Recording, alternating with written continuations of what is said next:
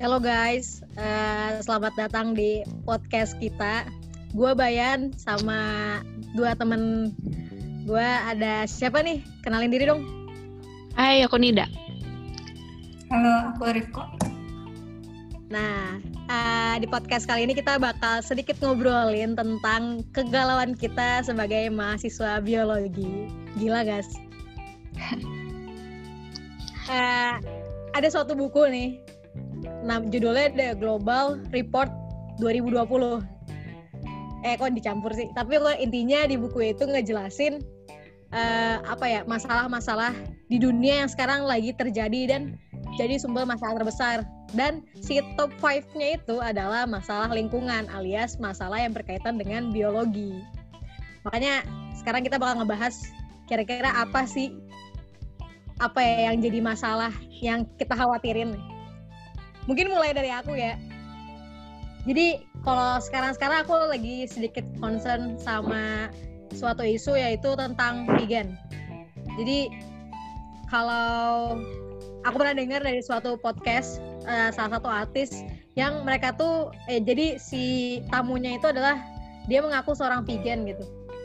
Tapi ternyata uh, pas saya uh, apa ya kata si ya kita sebutnya si Deddy Kobuzer tuh. Deddy Kobuzer sama Eva Celia. Jadi si Deddy Kobuzer itu nanya ke Eva Celia lu katanya vegan tapi kok masih pakai barang-barang yang apa ya bahannya masih dari hewan lah? Tas lu dari kulit sepatu lu dari kulit terus baju lu dari sutra kan itu sama aja gitu. Terus si Eva Celia bilang ya nggak apa-apa gue ya setidaknya gue berusaha untuk jadi vegan seutuhnya. Dan terus si Deddy Kobuzer tuh bilang kata gue vegan tuh gak apa ya bukan jadi solusi yang baik gitu loh. Soalnya uh, kalau suatu penelitian bilang katanya tumbuhan juga ngerasain sakit-sakit gitu loh. Jadi kalau vegan mikirin cuman ve kalau vegan tuh cuma mikirin hewan doang gitu loh. Kalau tumbuh nggak di si Deddy Kobuzer itu. Dan gue jadi sedikit mikir gitu loh. Oh iya ya benar juga gitu. Uh, banyak lah maksudnya aku berpikir orang-orang sekarang juga udah mulai berpikir peka sama lingkungan tapi solusi vegan tuh apa ya nggak nggak bukan solu, solutif juga gitu loh karena nggak semua orang bisa kayak gitu dan ternyata vegan juga menimbulkan masalah baru yaitu tidak peka terhadap tumbuhannya itu loh. Kalau menurut aku gitu sih jadi aku sedang berpikir gitu oh ini gimana ya cara ngatasinya sedangkan vegan yang sekarang lagi disuarakan orang banyak ternyata nggak ngasih solusi juga gitu guys uh, kalau menurut Iko sama Nida ini kalian ada isu atau yang kalian concernin apa sih gitu kalau aku sendiri sih nyambung sih sama bahasan yang kamu tadi bilang baik. Kalau aku sendiri tuh aku lagi concern ke arah industri kosmetik. Jadi kalau misalnya kita tahu fenomena uh, kosmetik itu kan emang udah marak ya apalagi kita khususnya wanita emang yang ya nggak dipungkir lah kita menggunakan beragam produk perawatan kulit dan kecita dan kecantikan setiap harinya. Kayak mulai dari ujung rambut sampai ujung kaki tuh kita pasti pakai itu kan. Terus udah jadi rahasia umum kalau misalnya produk konvensional atau produk yang emang biasa orang-orang gunakan di pasaran tuh nggak ramah lingkungan. Contohnya kayak plastik atau kemasannya yang berbentuk plastik yang emang sulit untuk diurai kan di dalam di bumi itu dan emang kandungannya juga kosmetik itu kan uh, banyak mengandung kimia atau misalnya kandungan kayak hewani gitu yang bisa berpotensi membahayakan tubuh dan membahayakan lingkungan kita itu. Nah, terus kayak fenomena itu tuh kemudian memunculkan kegelisahan aku nih. Terus akhirnya aku mikir apa ya alternatif pro, pengganti produk yang kayak gitu. Yang bisa jadi produk sustainable gitu. Soalnya kan emang alasan utamanya tuh meminimalisir dampak negatif ke tubuh dan ke lingkungan. Kayak kita bisa nerapin eco living juga kan lewat industri kecantikan itu. Terus uh, kalau misalnya aku tuh mikir apa ya yang bisa aku lakuin dalam uh, concern aku ini gitu. Maksudnya langkah apa sih yang aku bisa lakuin dalam concern aku yang di industri di industri kecantikan ini?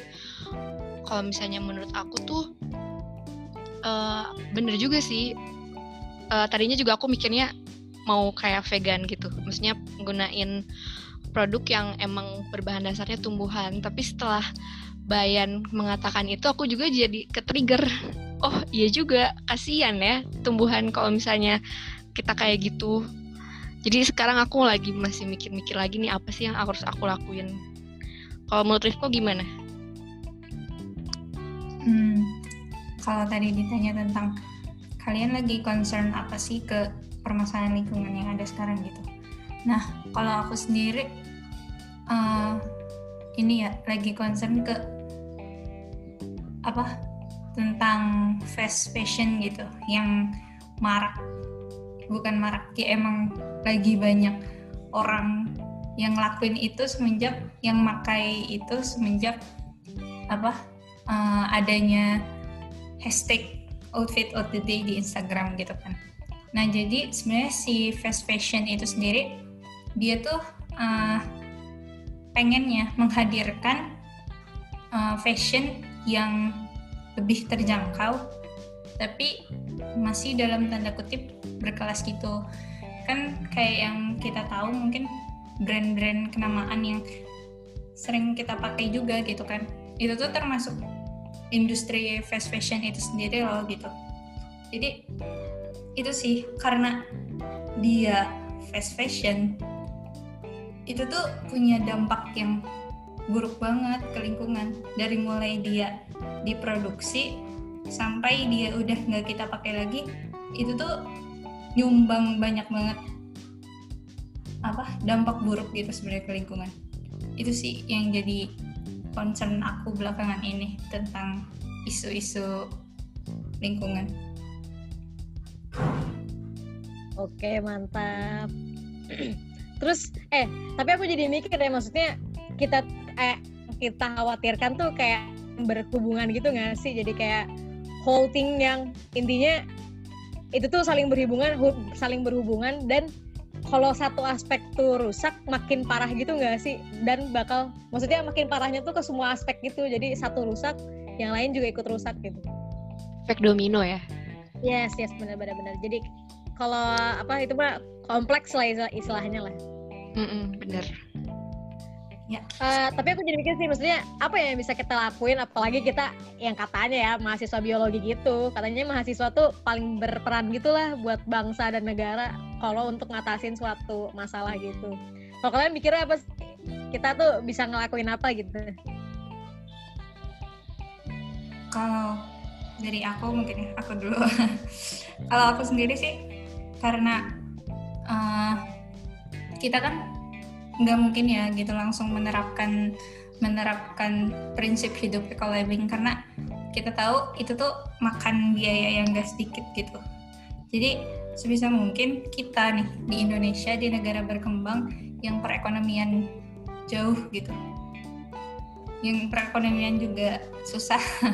Jadi sebisa mungkin kita gitu yang udah punya apa pengetahuan lebih tentang ini, punya wawasan lebih tentang ini, kita sebisa mungkin apa mengedukasi masyarakat di luar sana. Kalau seandainya hal-hal kecil yang kita lakuin itu sebenarnya bisa punya dampak besar ke lingkungan gitu. Jadi intinya itu sih mengedukasi dan menyadarkan masyarakat kalau hal-hal kecil yang kita lakuin itu sebenarnya bisa bantu nolong lingkungan jadi lebih baik gitu sih.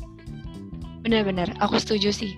Kalau dari aku sendiri tuh yang perlu highlight di sini tuh kita bisa mulai sedikit demi sedikit langkah kecil untuk perubahan dan meyakini bahwa konsep eco living itu bukan gaya hidup semata, melainkan suatu kebutuhan yang emang kita perlukan di dewasa ini. Dan satu lagi sih, bukan hanya eco living, tapi kita juga harus eco loving. Iya, mantap. Iya, mantap. Oh gimana, Bay?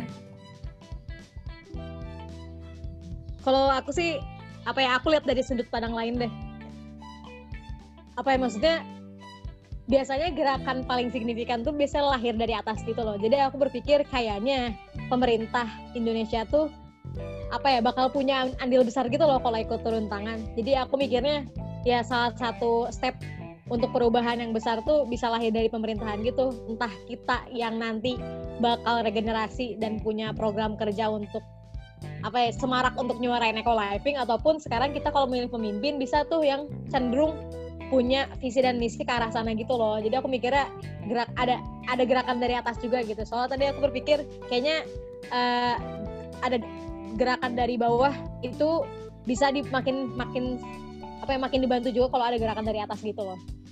Ya enggak sih? Bener, iya ya. bener banget. Setuju. Setuju, setuju. Oh iya sama satu lagi uh, apa ya aku mikirnya untuk kita yang masih kuliah ini kayaknya bisa banget gak sih kita bikin enak istilahnya kita ngasih solusi baru gitu loh yang bisa dijalanin seluruh masyarakat gitu. Kayak vegan vegan kan nggak semua orang bisa ngejalanin. Terus kayak tadi eco living yang biayanya mahal ya banyak lah orang-orang Indonesia yang nggak nggak bisa ngejalanin gitu loh. Jadi aku berpikir kita sebagai mahasiswa biologi kayaknya bisa deh kita bikin ide-ide baru riset riset baru yang punya so, eh, punya solusi yang lebih efektif gitu loh buat masyarakat ya nggak sih Iya bener banget kayak fleksibel buat semua orang bisa gunain ya Iya benar. Yes, benar benar benar. Jadi bisa affordable Oke okay, guys. juga. Nah ya affordable benar benar benar. Oke okay, guys paling itu aja sih di podcast kita kali ini. Jadi aku berpikir kayaknya kita harus segera lantik biar bisa uh, mengedukasi masyarakat ya nggak sih guys? Iya benar banget. Menyuarakan kegelisahan-kegelisahan kita lalu kita bisa ambil langkah yang konkret juga kan sebagai solusi itu. Makanya kita harus lantik. Ya sekalian benar, biar benar. kita juga punya wadah gitu buat diskusi-diskusi lebih lanjut. Terus menghadirkan karya nyatanya tuh kita ada wadahnya gitu. Iya nggak sih? Benar. Oke okay, guys semangat dah dapet jahimnya. Iya yeah, amin. Yeah. and you. Bye bye guys. Bye. Thank you guys. Makasih